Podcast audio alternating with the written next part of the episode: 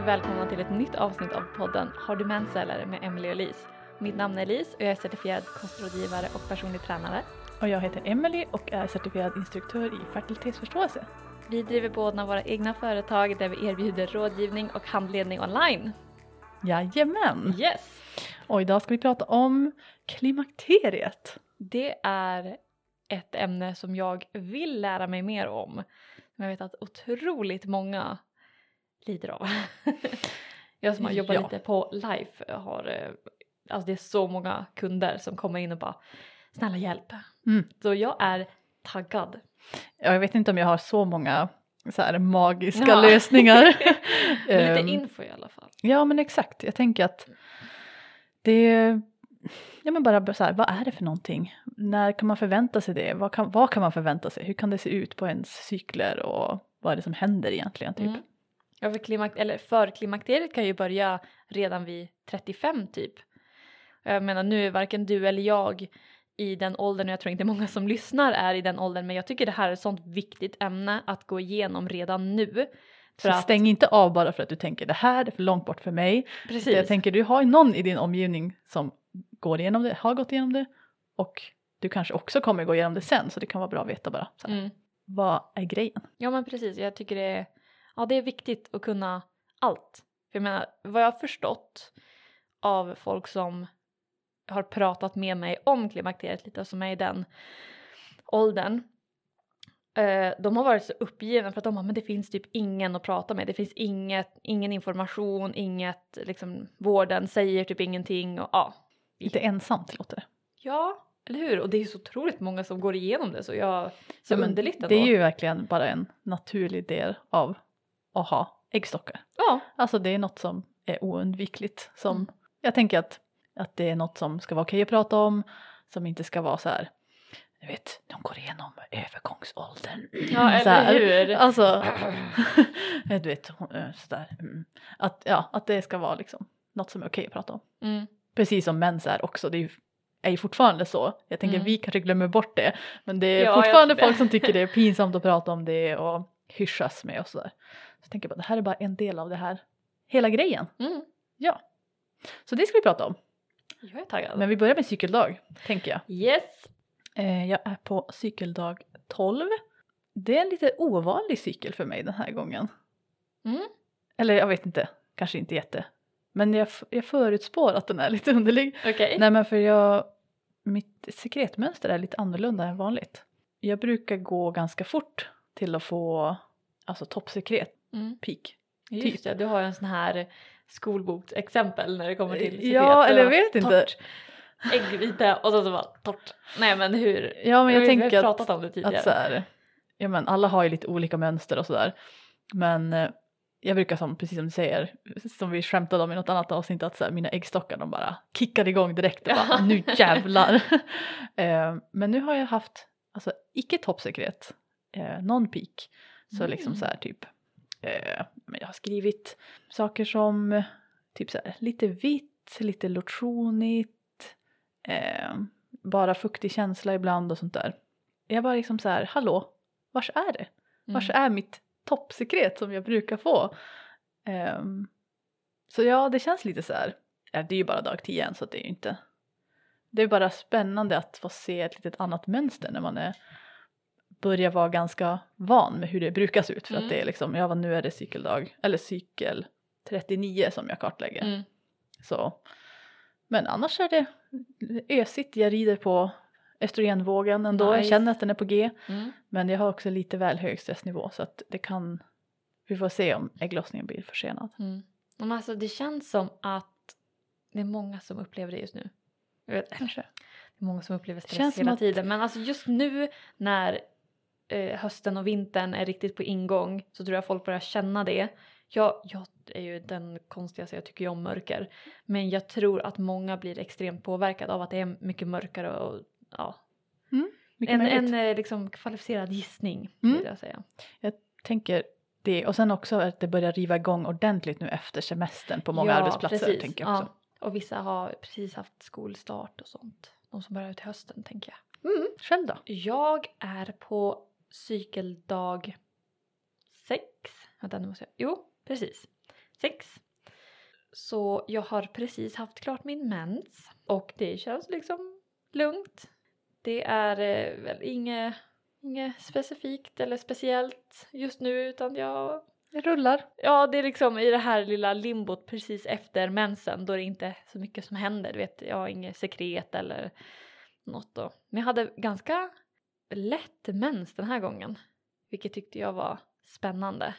Så ja, det kan vara liksom en skillnad för att jag gjort eh, en eh, snippsauna. Jag vet inte, vi får väl se nästa mensen om jag gör någonting det här menscykeln. Just om det. det blir eh, likadant eller om, ja. Mm, Vi får Spännande. Men då kör vi. Eh, Mm. Rakt på ämnet tänker jag. se. Yes. Jag har en massa punkter så vi får väl bara vi tar oss igenom dem. ja. Det blir faktaspäckat tänker jag på det sättet. Men Men... Jag inkluderar då jag kan. ja, exakt. Nej men eh, som du sa tidigare så eh, sa du förklimakteriet och det är väl som, samma som pre-menopaus då på Mm. engelska. Så alltså klimakteriet, definitionen på det är alltså när man permanent blir av med sin mens. Så man går inte in i klimakteriet bara för att man börjar ha symptom på att närma sig Mm. klimakteriet utan klimakteriet är alltså när man slutar ägglossa. Mm. Men alltså förklimakteriet och det är väl det vi- kommer prata om nu liksom. Ja. Tydligen så är i genomsnitt vid ålder 51 enligt 1177. Jaha, Ehm, men det var ju ändå ganska... Alltså klimakteriet, Länge. inte förklimakteriet. Ja, ja precis. Och tydligen så ska rökare få det i genomsnitt två år tidigare. Lite spännande. Ja, Men vanligast börjar då förklimakteriet i typ 40 till 60 års åldern. Det beror ju, det är ju ett väldigt långt spann liksom. verkligen. Väldigt svårt att säga men det kan liksom, folk kan uppleva symptom allt, alltså upp till liksom typ 10 år innan de faktiskt blir av med mensen till slut. Mm. Så förklimakteriet kan vara också allt från något år till väldigt länge. Så det är väldigt variabelt skulle jag vilja säga. Mm, det är jag. Men en sak som jag har läst typ överallt om man vill ha en idé om när kanske jag går in i klimakteriet så kan man fråga sin mamma. Mm. Och att när hon gick in i klimakteriet ska vara ett ganska bra mått på ungefär när du kommer göra det. Mm. Så att det finns någon slags genetisk faktor där då, inte Vad bara spännande. livsstil. Ja, det tyckte jag. Riktigt intressant. Ja.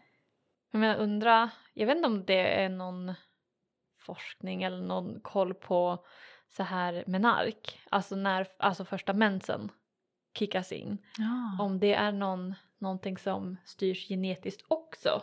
Ja du Eller har liksom sak. ja. Mm. lite doppar tårna i det. Kanske det. Om man skulle kunna egentligen fråga sin mamma, okej när fick du din första mens? Nu kanske kanske är svårt att liksom Kommer ihåg, det. Ja. Kommer jag ihåg när jag fick min första mens? Hmm. Jag gick i alla fall på mellanstadiet, så Mm. femman eller sexan. Men jag vet inte, hur gammal är man då?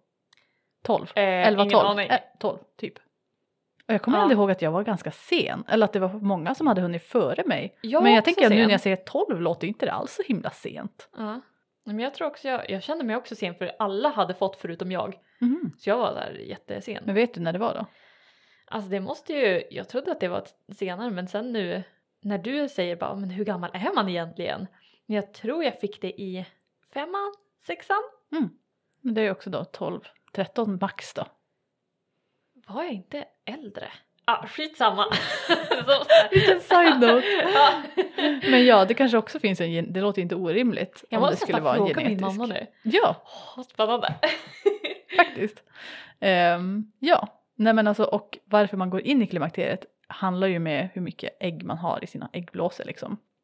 Både, det, inte, det är inte så att de tar slut, men de hamnar på en så pass låg nivå att du får så lite östrogen att du inte gör progesteron. Mm. Så det är väl som där, det är inte så att ditt, ditt sista ägg var din sista mens eller Mm. ägglossning då. Så det är liksom därför det händer överhuvudtaget. Mm. Mm. Jag tycker det är spännande ur liksom en biologisk synpunkt också det här med klimakteriet. Att Eller hur? vi är liksom det enda djuret som har en så lång livstid efter vi inte är reproduktiva längre. Mm.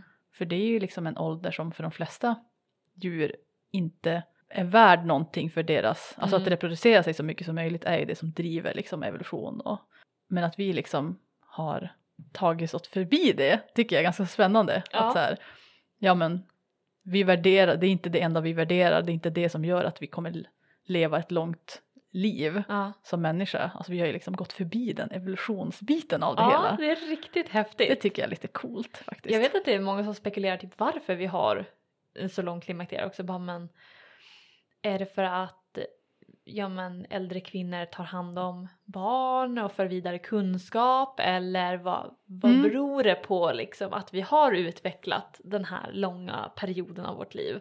Men de får andra djur som har så är det ju precis det att man, Ja.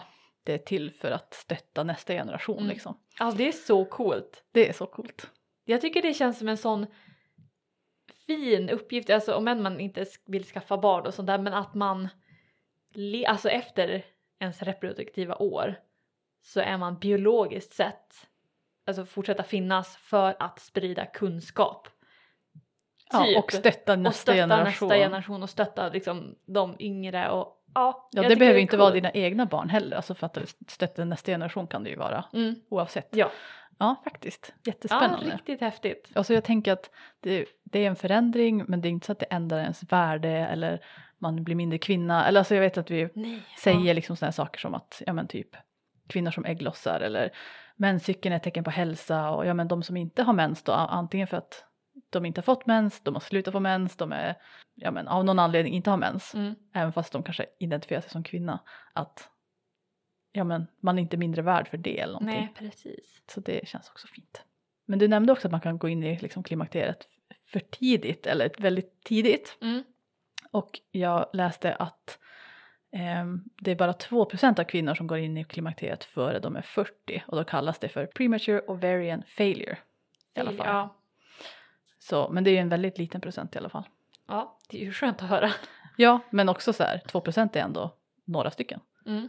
Så det händer ju också att folk, och det hör man ju lite här och där, att folk går in i klimakteriet Mm. för, för, för tidigt citattecken. Mm. Jag tycker det låter så, jag ska inte säga hemskt men så underligt att eh, ovarian failure.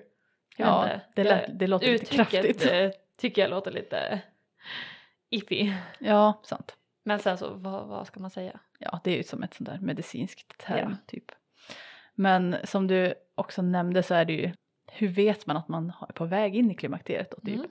Det är ju att många upplever ju några slags symptom, antingen från väldigt mildra, milda eller väldigt kraftiga symptom. Fysiska och mentala liksom. Eh, som jag har en, lång lista på saker som... Oh. Men vi har klassikern som man hört talas om värmevallningar, alltså man känner sig väldigt varm helt plötsligt. Mm. Eh, så plötsliga svettningar i samband med det, sömnproblem, att man kan få mycket humörsvängningar, känna sig nedstämd, torra slemhinnor, urinvägsbesvär. Mm. Minskat sexlust eller det finns, beroende på vart man kollar så finns den här Mm. listorna inte liksom lite olika. Men typ sådana saker. Ja, Och det är ju, handlar ju om att hormonerna ändras liksom. Jag har en, framförallt eh, vårt kära östrogen. precis. Jag har en fin liten graf här om du vill titta på. Ja.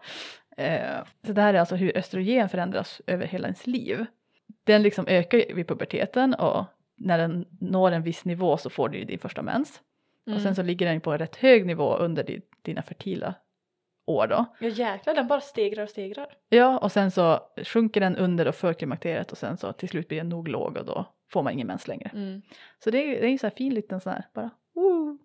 Men gud vad coolt ändå att det liksom stegrar ändå, alltså stegrar till högt och under många, många år. Efter menarken ja. Ja. Mm, faktiskt. Man tycker att ja, men då den kommer att det kanske går ganska snabbt att det stegrar till högsta. Det här är så är det från som en, en, platå. en Men- studie också så jag vet inte. Ja, liksom. ja. Men, Förbi. Ehm, och så tyckte jag att den här var rätt bra. Då har vi relationen mellan östrogen och progesteron då. Mm. Och att, att många får mycket problem verkar ju ha, eh, alltså till att när du slutar ägglossa på det regelbundet så får du ju genomsnittligen en lägre nivå progesteron i ditt Mm. system liksom. Så att du får, även fast östrogenet också minskar så kan det vara att du blir ändå östrogendominant och att det kan fluktuera väldigt mycket. Mm. Så att du kan få problem som hänger ihop med att vara östrogen, Mm. ha för mycket östrogen. Och det är ju alltid där vi pratar om proportionerna. Det är inte Mm. kanske att nivån är ju faktiskt lägre än innan, Innan, för ja. Men att både variationen och relationen till progesteron kan göra att du får de här Mm. besvärliga symptomen. Liksom. Mm. Jag var på någon, någon liten föreläsning om framförallt progesteron men det var för länge sedan och så vet jag inte exakt eh, ja, men, vad, vad det var baserat på men jag tror att det var studier om progesteron och eh, ja, så här, alltså kvinnor i klimakteriet att många såg en förbättring i symptom om de fick progesteron. Vilket är ju inte en, nu ska jag inte säga att åh det är så här där, men just att studien visade på att många mådde jätte, jättebra av att få eh, naturligt progesteron. Så jag tycker det var en, en intressant grej och så specifikt när du säger att ja men att pro- progesteronet sjunker så pass mycket och det blir som en ja men östrogendominans naturligt. Mm. Mm. Ja men det blir ju, Att- för till slut när du då slutar ägglossa helt då har du, alltså man, man har ju låga nivåer av progesteron Mm. ändå men du producerar ju, du får ju aldrig de här skjutsarna som du får Ja, precis. under menscykeln liksom. Så Mm. då kommer du helt plötsligt ligga på, det är det där man brukar jämföra med när man går på p-medel till exempel. Mm. Man ligger på de här stabila Låga, låga, nivåerna hela tiden, att det är som att vara i klimakteriet ungefär. Ja. Du vet jag tycker om grafer, det är alltid kul. Ja men jag, jag tycker om dem också. Och men jag är inte lika hype eller gör eh, tabeller av mina menscyklers längder. Mensnörd, jajamän, eller nörd rent allmänt kanske. Fast jag hade jag kunnat göra det, jag kan ju inte Excel. Nej. Så eh, kanske därför, får lära mig får jag göra själv. de här liksom, hormoninbalansen som vi då naturligt får, det är ju en naturlig del av att närma sig klimakteriet. Men det kan ju vara då man har mycket östrogen i förhållande till progesteron. Då är det här med, man kan, som vi också kan känna såklart, Mm. även om vi inte är i förklimakteriet, så här, uppsvälldhet, ömma bröst, kraftigare blödningar till exempel. Mm. Eh, Medan för låga nivåer kan det vara det här med vallningar, nattsvettning, huvudvärk, sömnproblem, trötthet, benskörhet är ju en, Ja det är ju en stor grej. ja, och hänger ihop mycket med progesteron också. Mm. Och så det här med slidtorrhet också. Mm. Och det blir ju, alla de här sakerna, och speciellt bristen på östrogen, alltså det är ju att cykeln blir oregelbunden. Det är väl Mm. det främsta tecknet om man liksom så här, men hur ska jag veta om jag är på väg in i klim- eller är jag i för, förklimakteriet? Så förutom de här symptomen som vi rabblat upp så är det ju liksom den här oregelbundenheten i cykeln Mm. plus sin ålder. Då. Börjar man vara över 40 och börjar uppleva sådana här saker då kan det ju ha med, med det att göra liksom. Mm. Precis. Mm. Så det ska väl bli spännande När Mm. man- Ja jo. hamna där. Eh, jag lyssnade på en av avsnitten av Fertility Friday-podden där de Mm. pratade om klimakteriet. Och då var det en intervju med en kvinna som är äldre och har gått igenom klimakteriet och stöttar kvinnor med det. Jag länkar till det avsnittet. Eh, och jag tyckte hon beskrev det som så fint att så här, det här är en naturlig del av livet. Det är inget som, precis som vi brukar säga med att typ din menscykel, dina ägglossar är inte här på jorden för att plåga dig typ. Mm. Klimakteriet är inte det heller Mm. och måste nödvändigtvis inte vara hemskt eller något man ska se, alltså du vet, vara rädd för att Mm. när det ska hända typ. Utan det finns hjälp att få. Som du sa, det finns väl hormonbehandlingar Mm. och Ja liksom allt, att stötta sina hormoner med kost och häls- liksom träning och allt som vi har pratat om är ju också Mm. Saker som kan hjälpa liksom. Ja, jag skulle vilja göra ett helt avsnitt om så här, träning och kost mer inriktat på eh, klimakteriet. Men jag måste läsa på lite först. Det ser vi fram emot. Mm. Ja, nej men så jag som då med tänker på hela kartläggningsbiten så har jag liksom, ja men hur kan det se ut på en cykel då? Och då är det vanligast att man först ser förkortade follikulärfaser, alltså för ti- tidig ägglossning. Aha, Så ja. att man får helt plötsligt väldigt korta cykler. Och det är ju då många metoder, eh, att man kanske ändrar reglerna man använder. Mm. Eh, för till exempel som i många metoder som jobbar med temperaturer så anser man ju att mensen är säker om du har haft ägglossning tidigare. Mm. Men det bygger ju också på att du inte helt plötsligt får en superkort cykel för mensen är ju i regel inte speciellt fertil men den maskerar ju eller gömmer ju också sekret. Ja. Så den egentligen, om man ska tänka liksom bara om, det blir lite rytmtänk Mm. även om det är väldigt genomtänkt ryt- rytmtänkt så blir det att ehm, om man till exempel som i Billingsmetoder verkligen så här varje dag bara, jag kan inte se sekret under min mens därför kan jag inte vara säker på att jag inte har sekret och inte är Mm. fertil. Ja. Så många metoder går ju över till det. Att så här, nu börjar dina cykler vara för oregelbundna och för korta. Därför så är inte mensen säker längre till exempel. Ja. Så det är därför typ klimakteriet och sånt är en ganska viktig. Det är viktigt att börja ha koll på sina regler, kanske jobba med en instruktör eller någonting om man känner sig osäker. Mm. För att det blir inte den här standard, de vanliga reglerna längre. Värt att tänka på. Ja, och det känns som att de bankar lite det här med att ja, om du har oregelbundna cykler så kan du inte skydda dig Ja, nej. med liksom en sån här naturlig eh, naturligt preventivmedel. Exakt. Vilket jag tycker låter nice ändå. Mm. Att, ja, men det, de har fan tänkt på Ja. det också. Ja men exakt och sen så är ju olika metoder olika kanske effektiva på att hantera de här Mm. Ja, specialfallen. precis. Alltså en metod som bygger på, som vi använder som är sekret och temperatur, kan bli lite rigid när det kommer till de här. Även fast många har specialregler och så vidare så kan det ändå det bli att du får lite orimligt långa fertila faser och sånt där. Mm. Så ja, det kan ju vara värt att. Det är just där du får ibland offra lite. Du får mycket högre säkerhet om du gör studier och sånt. Mm. Men du får också kanske i vissa fall orimligt långa fertila faser som, jag menar hur bra är ett preventivmedel om du anses fertil typ hela tiden? Mm. Alltså det blir ja, det blir Ja, inte så precis. funktionabelt. Mm. Så, men sen så är det oftast vanligt att cyklerna blir längre sen. Så i början blir de kortare och kortare och sen efter ett tag kommer de bli längre och längre och mer och mer oregelbundna. Mm. Det tycker jag är som är lite spännande att det inte Ja, bara att det blir kortare eller bara ja. längre eller någonting. Nej, jag trodde ju att det skulle bli bara längre. Mm. Liksom. Inte att de skulle bli kortare. Det Så- är som att kroppen bara, nej nu jävlar, liksom ökar upp innan det sen bara kilar ner sig. Ja, typ. Får lite mer liksom chanser, bara okej, nu, det är nu eller aldrig. Precis. Ja, nej, så man får se upp för de där korta, korta cyklerna då som Mm. kan råka hända om man börjar vara där över 40 då kanske. Men sen blir de då som vi sa längre och längre och du får ju lägre och lägre progesteronnivåer för att du ägglossar mer och mer sällan. Mm. Det är ju som den där.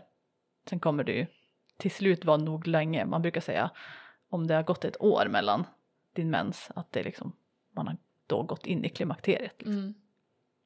Så andra saker man kan se är förkortad lutealfas, så Mm. färre höga temperaturer. Liksom, liksom allmänna förändringar i mensens längd och intensitet, alltså hur mycket du blöder och sånt. Ja, ja. Och det, alltså, allt hänger ihop med de här hormonerna så att det är ju liksom, Ja, jag har hört att det är många som får så här, alltså de blöder asmycket i början liksom. mm, Eller under förklimakteriet. det låter ju inte jätteunderligt om vi säger att man då får helt plötsligt mycket mer östrogen eller Mm. Ja. Det är jättelåga progesteronnivåer. För jag menar, just den här kicken med progesteron som vi får efter ägglossning är ju en av anledningarna, eller en som motpol mot det här östrogenet i hur kraftig mens vi får. Så det är inte som att någon av de här hormonerna är dåliga eller bra, eller, alltså förstår Ja, du så, utan mm. mer att när de är i obalans då kan vi få lite otrevliga symptom. Mm. Det är ju bara det vi typ snackar om hela, eller Ja. om hela tiden. Exakt, eh, om alla symptom och sånt. precis. Ehm, en annan sak som man också kan se, förutom skillnaden själva blödningen, är också skillnad på sekretet. Du kan liksom, ditt, om du känner ditt mönster väldigt bra kan det också förändras. Mm. Eh, man kan till exempel få fler torra dagar, det är väl ganska vanligt. Men sen så, en sak som kan vara lite klurig är att du kan börja få mycket spotting både innan och efter mensen. Och speciellt om du har spotting mycket innan mensen så att det blir liksom att det flödar ihop. Du vet inte riktigt när Mm. mensen startar. Då finns ett litet så här pro-tip. Om du använder Oh. temperatur är att du kan då, eftersom att temperaturen sjunker med progesteronet. Så när du ska få din mens så sjunker ju tempen. Det är lite olika för folk. En del har väldigt så här, den sjunker och då får du mens den dagen. En Mm. del har det lite mer som en stege neråt typ. Mm. Men speciellt om du är en sån där som har ett dropp typ. Då kan du räkna mensens första dag den dagen. Mm. För att det blir så svårt att veta när är min första blödningsdag. Ja. Att det är liksom bara så här. Det börjar med lite spotting och så blir det lite mer spotting och så bara är det här mens nu eller spotting? Jag vet inte Ja. riktigt. Och så, ja, så, där. så kan man använda temperaturen istället. Ja. Hur brukar du ha? Brukar du Jag ha har en det ganska, droppar direkt liksom? ja, ibland kan det vara att den sjunker och sen får jag mens dagen efter.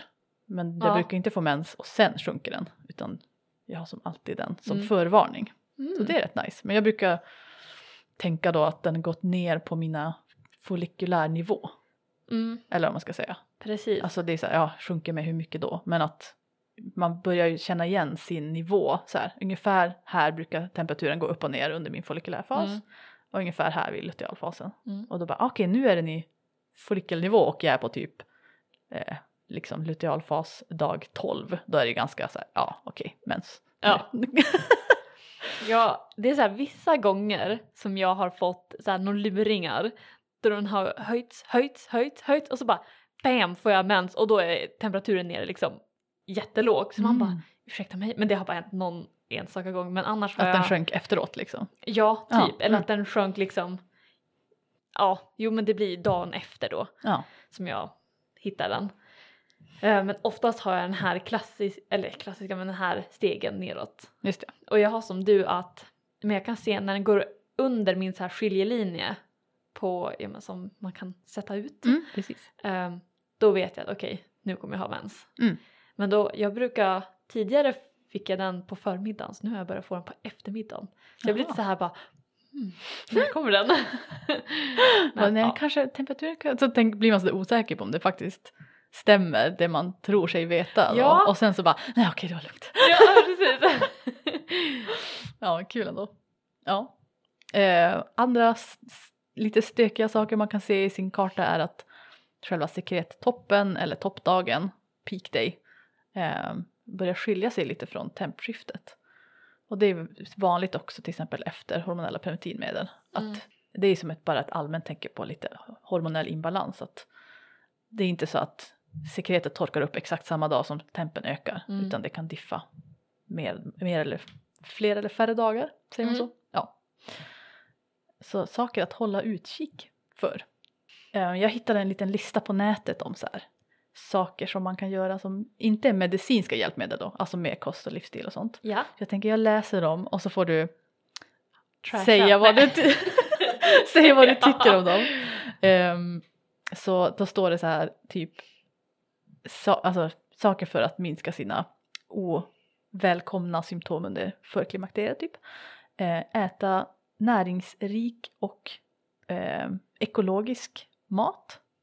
Ekologiskt vet jag inte riktigt var det kommer ifrån men Nej, näringsrik, Näringsrik låter väl bra? Absolut, 100% ekologiskt går att diskutera i ett helt annat eh, avsnitt. ja exakt.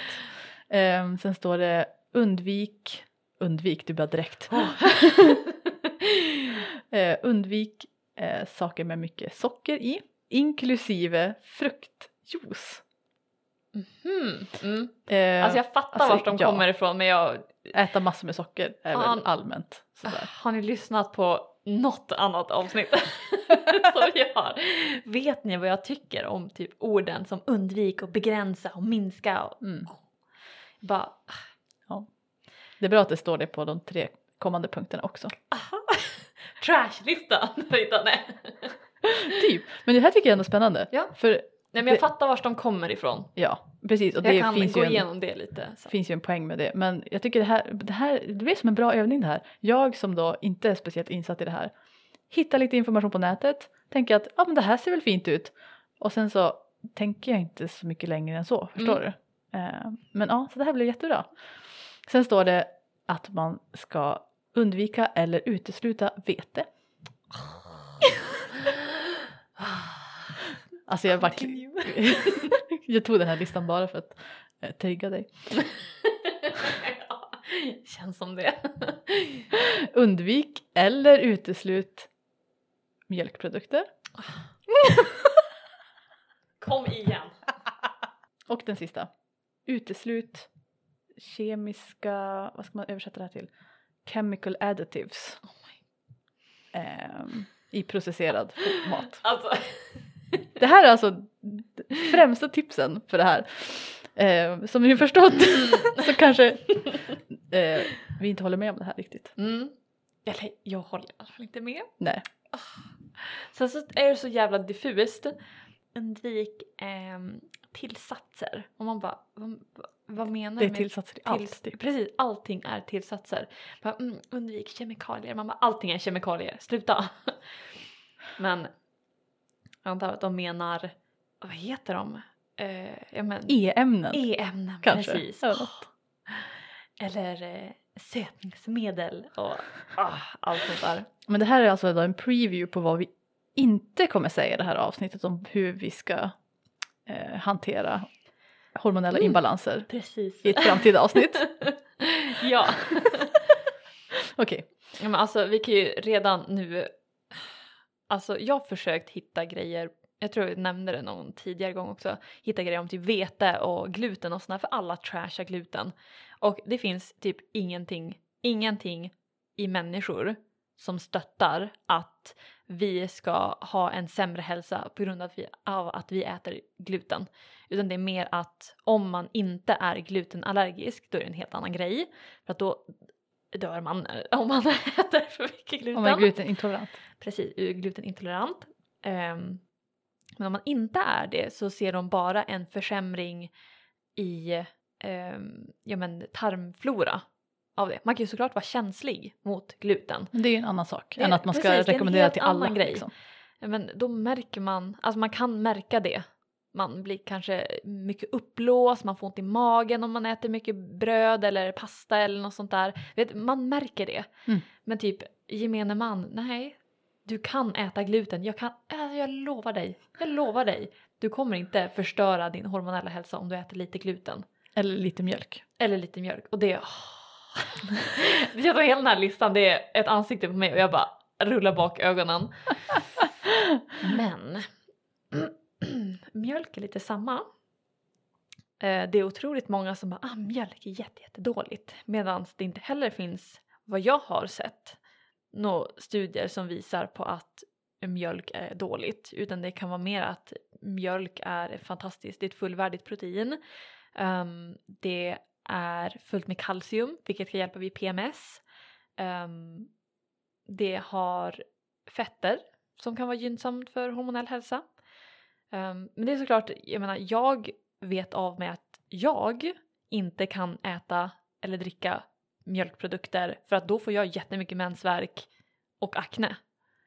Men jag sitter inte här och trashtalkar mjölk och säger att oh, mjölk är så dåligt för att det blir inflammation och det är jättedåligt för hormonell hälsa för att det, det är inte sant. Nej. Bara för att det stämmer för mig så betyder det inte att det stämmer för alla andra. Nej. Och det är så här, man kan ju testa. Alltså det är enkelt att Absolut. testa men nej precis det är ju onödigt att eh, göra enskilda livsmedel till skurkar liksom. Precis, det är det som jag har problemet med. Jag menar såklart att det Så här, finns... man behöver inte dricka mjölk Nej, men man kan göra det. Alltså så här, testa dig fram om man har, ja, men jag brukar säga att har man väldigt mycket mensvärk och mycket akne då kan man testa att byta till mjölkfria produkter och se hur man reagerar.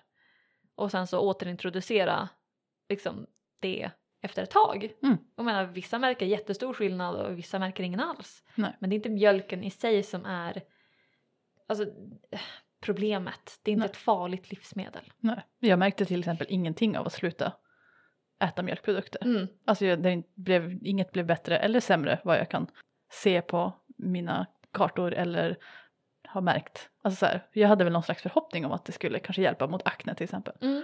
Men jag märkte ingen skillnad. Alltså, så jag Mm. hade ju bara kunnat återintroducera det om det var, alltså om det var ju av etiska skäl som jag slutade. Så då har jag inte gjort det. Men alltså om det bara var av kostskäl så hade Ja. jag kunnat göra det. Precis, precis.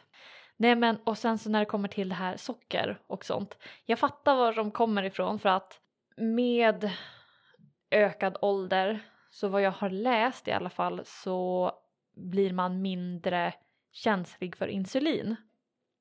Så man får svårare att hantera snabba kolhydrater.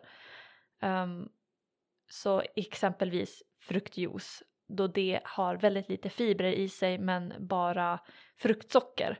Och då blir det, för frukt är inga problem. Frukt är fyllt med fibrer och vitaminer och mineraler som gör att de här snabba kolhydraterna tas upp mycket långsammare. Eh, Så det här med fruktjuice, jag förstår för då är det bara socker som man dricker. Och man blir mer känslig, eh, eller mindre känslig blir det, för insulin när man blir äldre. Just det. Så mer känslig för socker. Ja, Ja. precis. Så att blodsockret svajar mycket enkla, eller mycket lättare ju äldre man blir. Så man brukar, eh, vad jag sett, rekommendera att fylla på med mer fibrer, mer stärkelserika kolhydrater, typ eh, ja, men kallpotatis, sötpotatis, palsternacka, morötter, alltså sådana där grejer. Fullkornspasta också nice. Mm. Och mer protein för att som vi snackade om tidigare med det här östrogen och benskörhet hör ju det samman och då kan ett ökat proteinintag hjälpa med det också. Just det. Mm. Nej men så det, det är så här, det finns, det finns någonting i den här listan som jag på riktigt kopierade utan att läsa den speciellt mycket innan. Eh, men som du säger så finns det också en hel del så här. Ja, för vissa personer kanske det hjälper, men Mm. inget som man ska ha så här som allmänna Nej, guidelines för alla. Liksom. verkligen inte. Åh, jag får göra en egen lista. Det tycker jag. Ja men vi gör ett helt avsnitt med egen lista. Yes. Jag tänker vi ska knyta ihop påsen lite grann på det här Mm. avsnittet. Så jag vill liksom, vad ska man säga, att folk ska ta, ta med sig det här då att speciellt eftersom att cyklerna kan bli korta. Att eh, om man använder någon slags beräkning på sin cykellängd som en del av sitt preventivmedel så måste man liksom se upp lite för den för det kan ju inget som du kan använda sen då. Mm. Att de kan bli så korta att mensen blir osäker. Och då kan man inte ha någon, eh, några säkra dagar eller vad man ska kalla dem Mm. innan ägglossningen är bekräftad. Det är bara något att, att tänka på. Så då blir det ju bara liksom lutealfasen som är kvar då. Mm. Men sen så skulle jag också vilja så här, prompta lite för cervixposition då. Mm, ja, För ja. det är ju ett tecken som en del kartlägger också som är ett bra komplement till sekret. Så den kan också vara om man blir osäker på sitt mönster med sekretet eller så kan den liksom vara ett extra tecken också när det börjar vara lite, lite svajigare. Så den är ju nice. Vad spännande. Mm. Jag typ glömmer bort cervixposition. Men jag gjorde mycket det liksom i början Mm. när jag körde mer på Taking Charge of Your Fertility, den. Ja, precis. För det är väl en egen metod? Ja. Mm. precis. Spännande. Ja, nej men så den kan man ju komma ihåg att den finns. Jag använder, jag också gjort exakt samma, testade den men bara nej, det här. Det var inget jag behövde för att det liksom, det, Ja, det räcker ändå. Ja. Men många använder ju den också. Jag funderar på, alltså inte typ lägga till men ha det på sidan om bara för att kolla, se, se hur den ändras men inte ta det till ehm, eh, liksom min preventivmedelsmetod Nej. utan bara för att det är intressant att Med se som den- kroppskännedomsgrejen. Mm. Ja. Nej, och för er som inte vet vad vi pratar om så, Ja.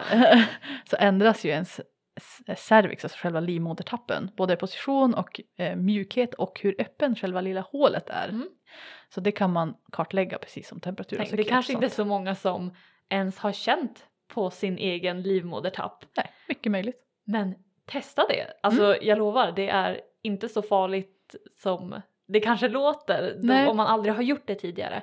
Utan det är bara kör upp fingrarna så Ja. långt det går. Men alltså det är typ det det är. Och det Men- är liksom att det är ju att det känns ju som en liten utstickande typ, jag vet inte, tumme eller? Det är alltså, som en- näsa ungefär. Ja, precis. Det är, det är bra. Och sen har den en liten, ett litet hål i mitten då. Mm.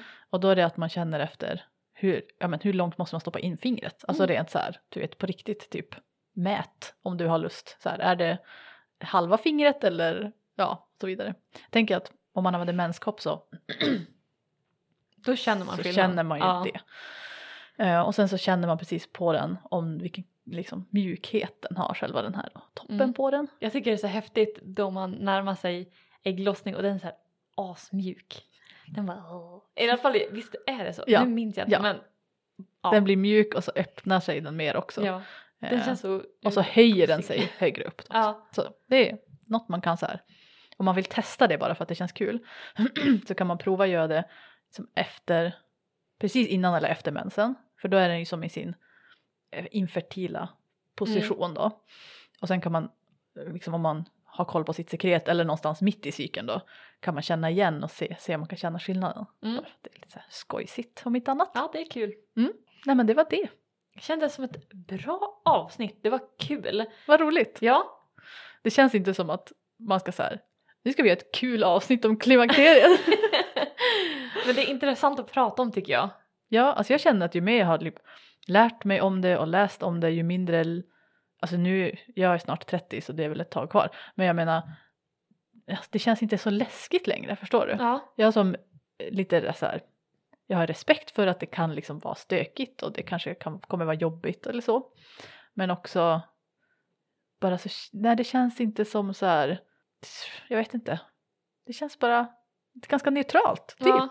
Inte läskigt, inget som jag kanske ser fram emot heller. Fast, för nej, förut, bara som- förut såg jag nog fram emot det för att jag bara Ja. åh skönt att slippa mensen.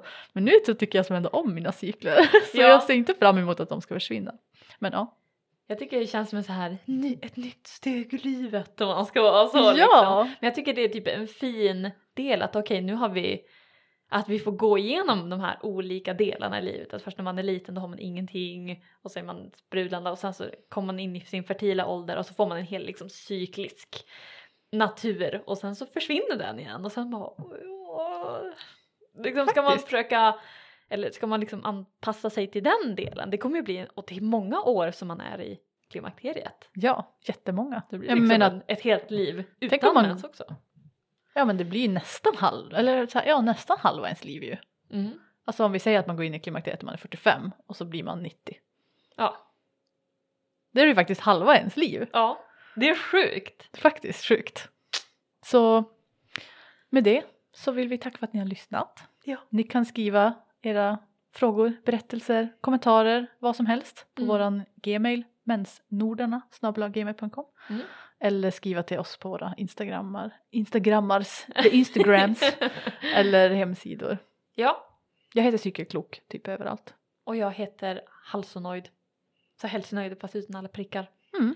Mm. Det är jättekul när ni skriver till oss, vi uppskattar det jättemycket. Alltså ja, Och det vi är uppskattar- så kul. jättemycket också frågor och även reviews om ni vill lämna på iTunes till exempel hjälper Yes, andra att hitta please. podden. Det vore kul. Och så skickar den här till någon som behöver den höll jag på. Ja precis, de som kanske tycker det känns läskigt med vad det här är för någonting. Alltså. Ja, klimakteriet, någon som kanske är i klimakteriet. Mm. Eller så. Eller före klimakteriet blir det då. Ja men då får ni ha det så bra. Puss och kram, hejdå!